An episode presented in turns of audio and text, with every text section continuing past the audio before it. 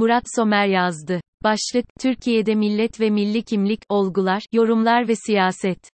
Evvelki gün yazımda şiddetin ve silahlı örgütlerin gölgesinden azade bir Türkiye'de, Kürt sorununu hangi uygulanabilir ve sürdürülebilir reformlarla çözeriz, diye sormuş, bu soruya yanıt bulabilmenin müspet milliyetçilik ve milli kimlikle bağına değinmiştim. Müspet milliyetçiliğin ise iki özelliğini hatırlatmıştım. Siyasal egemenliğe sahip olan siyasal millet kimlerden oluşuyor? Sorusuna yanıt, milli kimliğin kapsayıcı, dinamik ve geleceğe dönük kriterler üzerinden tanımlanması. Ulusun üyeleri arasında gerekli olduğu iddia edilen dayanışmanın gerekçesi, temeli ne? Neden ortak çıkarları ve birbirlerinin üzerinde hakları var? Sorusuna yanıt, ulusal dayanışmanın kaynağının soyut ve mistik, özel çıkarlarca istismara açık kriterlerde değil somut ve akılcı, kamu yararında aranması. Peki Türkiye'de insanların milliyetçilik yorumu bu koşulları ne oranda karşılıyor? Şimdi buna Ankara Enstitüsü ve İstanbul Politikalar Merkezi tarafından yayımlanan Ferhat Kentel ve Hatemete imzalı çalışma üzerinden bakalım. Vatandaşların gözünde milli kimlik dışlayıcı ve statik mi yoksa kapsayıcı ve dinamik bir kimlik mi? Sizce bir insanın Türk sayılabilmesi için en önemlisi hangisidir? sorusuna katılımcıların en büyük kısmı yani %43'ü Türkiye Cumhuriyeti vatandaşı olmak yanıtını veriyor. Yani farklı kültür, doğum yeri, ana dil ve etnisiteden insanların bu milli kimliğe ait olabileceğini ve kabul görebileceğini düşünüyor. Doğuştan gelen, değiştirilemez ve soya bağlı değil, vatandaşlık yoluyla edinilebilen bir kategori olarak anlıyor. Zaten milleti oluşturan vatandaşlarımızın büyük kısmının farklı coğrafya ve etnisitelerden geldiği toplumsal ve tarihsel, bilinen ve ifade edilen bir olgu. Genelde kimse de kimseye senin ataların Kafkaslardan, Balkanlardan veya Orta Doğu'dan gelmiş o zaman Türk olamazsın demiyor ve dememeli. Bu bir zenginlik. Türkiye'nin dünyadaki yumuşak gücünü de artırıyor. Örneğin Avrupalı iş insanlarından farklı olarak bizim Rusya, Kazakistan, Sırbistan, Ürdün, Etiyopya, Azerbaycan'da ve Kuzey Irak'ta da kendini kültürel olarak evde hissedebilen, iletişim kurmakta zorlanmayan iş insanlarımız var. Tabii Cumhuriyeti ve modern Türk kimliğini inşa eden siyasal elitlerin çok iyi takdir ettiği üzere Avrupalıların da elinde teknoloji ve sermaye var. Kültürel yakınlığın ticarette bir yere kadar işe yaradığını unutmayalım. Bu milli kimlik anlayışı aslında anayasamızdaki vatandaşlık ve milli kimlik Türklük tanımıyla da örtüşüyor. Türk devletine vatandaşlık bağı ile bağlı olan herkes Türktür. Madde 66. Bu madde haklı olarak çok eleştiriliyor. Çünkü 1924 Anayasası'nda olduğu gibi vatandaşlık bakımından bile demediği için sanki anayasa yoluyla toplumsal mühendislik yapıyor ve sosyolojik olguları belirlemeye çalışıyormuş izlenimini veriyor. Ama bunun yanı sıra bu madde, sıkça anlaşıldığının aksine aslında vatandaşlıktan çok devletin gözünde geçerli bir Türklük tanımı da yapıyor. Soya dayalı Türklük veya milli kimlik anlayışlarını devre dışı bırakıyor. Çünkü Türk olan, soyundan olan herkes vatandaş olabilir demiyor. Soyu etnisitesi ne olursa olsun her vatandaş Türktür diyor. Bu kimlik anayasa ve devlet gözünde vatandaşlık bağı ile kazanılan bir şeydir. Devlet kimseye kültürel aidiyetinden dolayı sen bu millete ait değilsin, olamazsın diyemez demiş oluyor.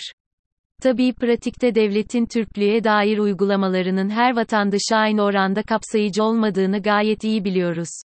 Örneğin tarih kitaplarımızda çocuklarımıza ülkemizdeki Çerkeslerden Alevilere, Araplara, Kürtlere ve Müslüman olmayanlara kadar farklı kültürlere ve tarihlere dair hiçbir şey öğretilmiyor. Oysa dinlediğimiz müzikten yediğimiz yemeğe, kullandığımız deyimlere, kokladığımız çiçeğe ve camilerimiz dahil ibadet ettiğimiz binaların mimarisine kadar kendi hayatımızı bunlardan bağımsız anlamak ve özümsemek mümkün değil. Toplumsal algılara geri dönersek eğer, yurttaşların ekseriyeti, çokluğu için milli kimlik soydan bağımsız, dinamik bir kimlik. Yani müspet milliyetçiliğin yukarı zikrettiğim birinci koşuluyla çelişmiyor.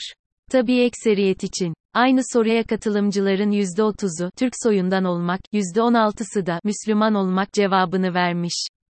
Nokta. Bunun bir nedeni de, ders kitaplarımızın, anayasaya aykırı olarak, milli kimlik deyince hep soy, ortak kültür gibi kavramlara vurgu yapması olabilir mi?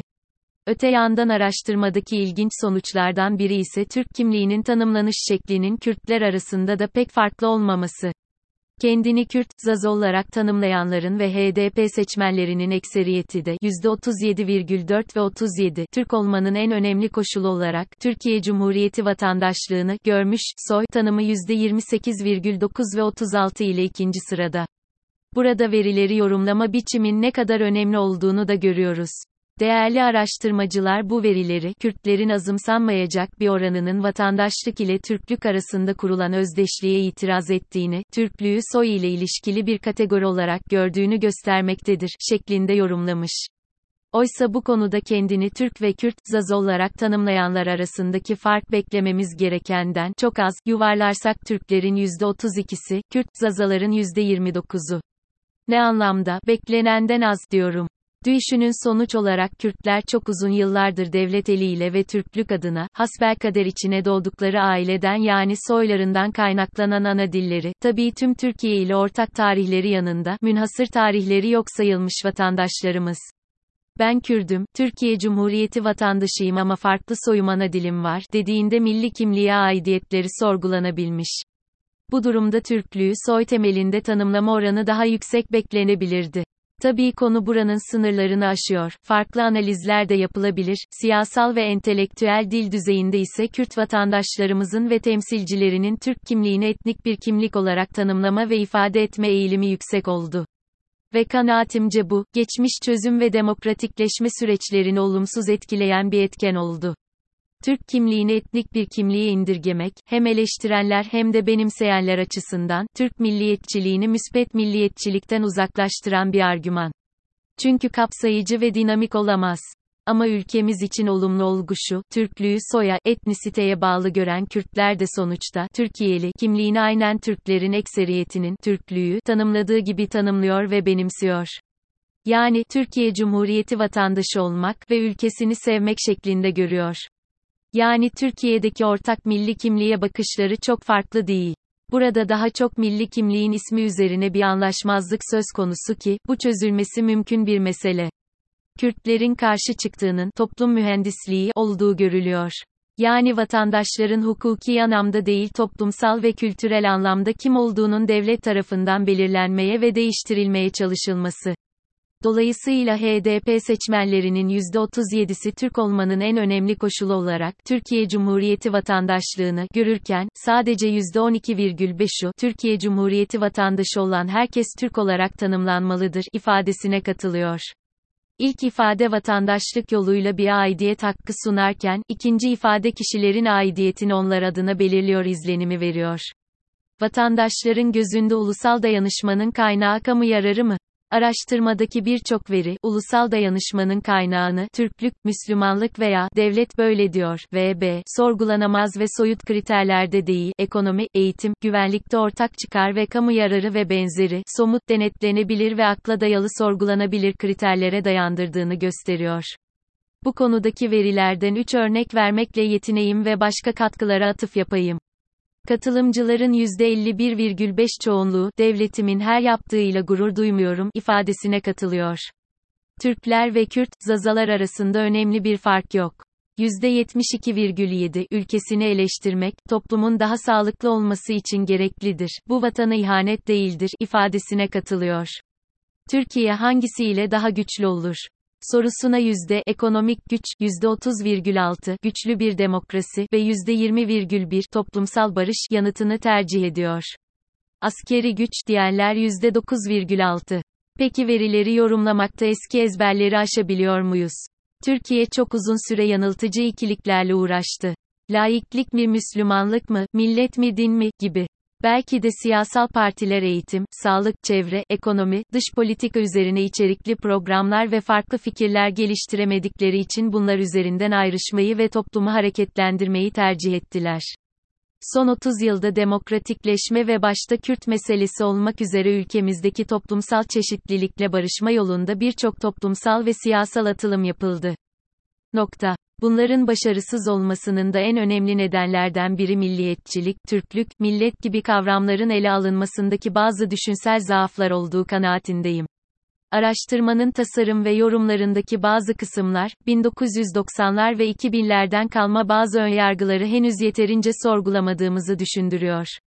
Örneğin, ülkeme bağlılığım dinime bağlılığımdan daha fazladır ifadesi bence sorunlu. Tabii katılımcıların %54,5'u bu ifadeye katılmamış. Çünkü bu ifade elma ile armut arasında bir karşılaştırma içeriyor. Araştırmalarda sorular teorik veya kuramsal dünyadan kaynaklanan bazı hipotezlere dayalı olur.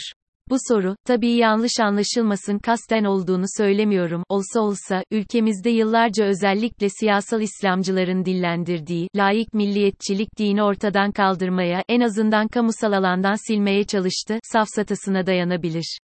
Aksi takdirde bu soru bize nasıl bir bulgu sunuyor olabilir? Aynı soru, ülkeme bağlılığım evlatlarıma bağlılığımdan daha fazladır, diye sorulsaydı ve tabii insanların çoğu katılmasaydı, milliyetçilik zayıf, sonucuna mı varacaktık? Son derece istisnai durumlar dışında evlat sevgisiyle vatan sevgisi arasında bir ikilik yok ki. Keza, önce Müslüman sonra Türk'üm ifadesi de sorulmuş. Tabii katılımcıların %66'sı katılmış, %23'ü katılmamış. Bu sonuç araştırma tarafından şöyle yorumlanmış, bu bulgu, radikal reformlara, resmi söylem ve politikalara karşın, yüzyıl sonra bile, toplumun Türklüğü Müslümanlığın yerine ikame etme, Müslümanlığı Türklük lehine geriletme çabalarına destek vermediğini, toplumun çoğunluğu için önceliğin Müslümanlık, daha doğrusu dine aidiyet olduğunu ortaya koymaktadır.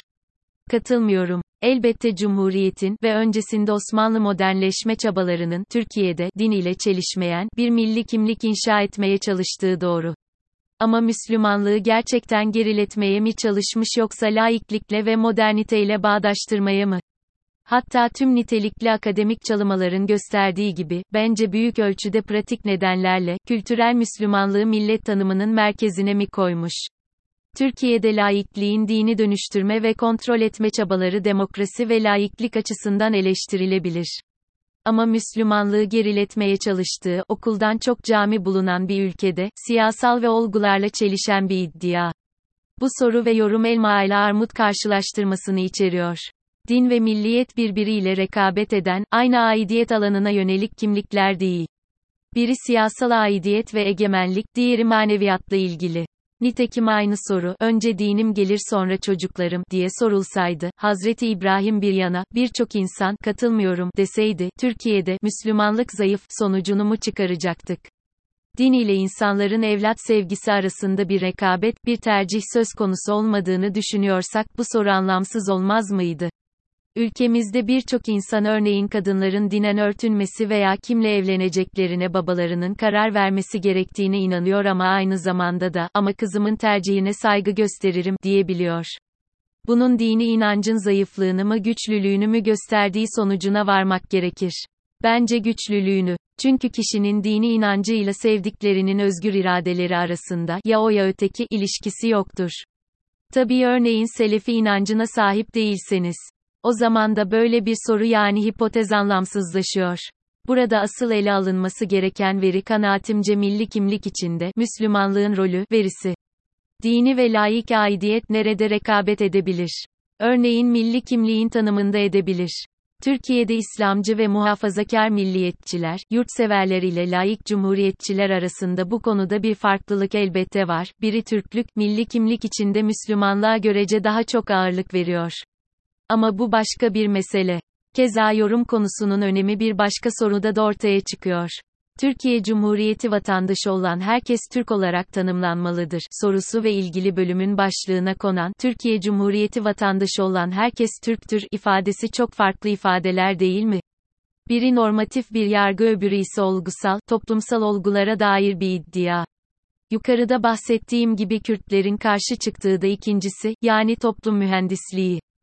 Siyaset, analiz ve politika bu yazıda düşündürücü bir araştırmadan da yola çıkarak Türkiye'de müspet milliyetçiliğin toplumsal zeminini sorguladım. Böyle bir potansiyelin zayıf olmadığı yorumunu yaptım.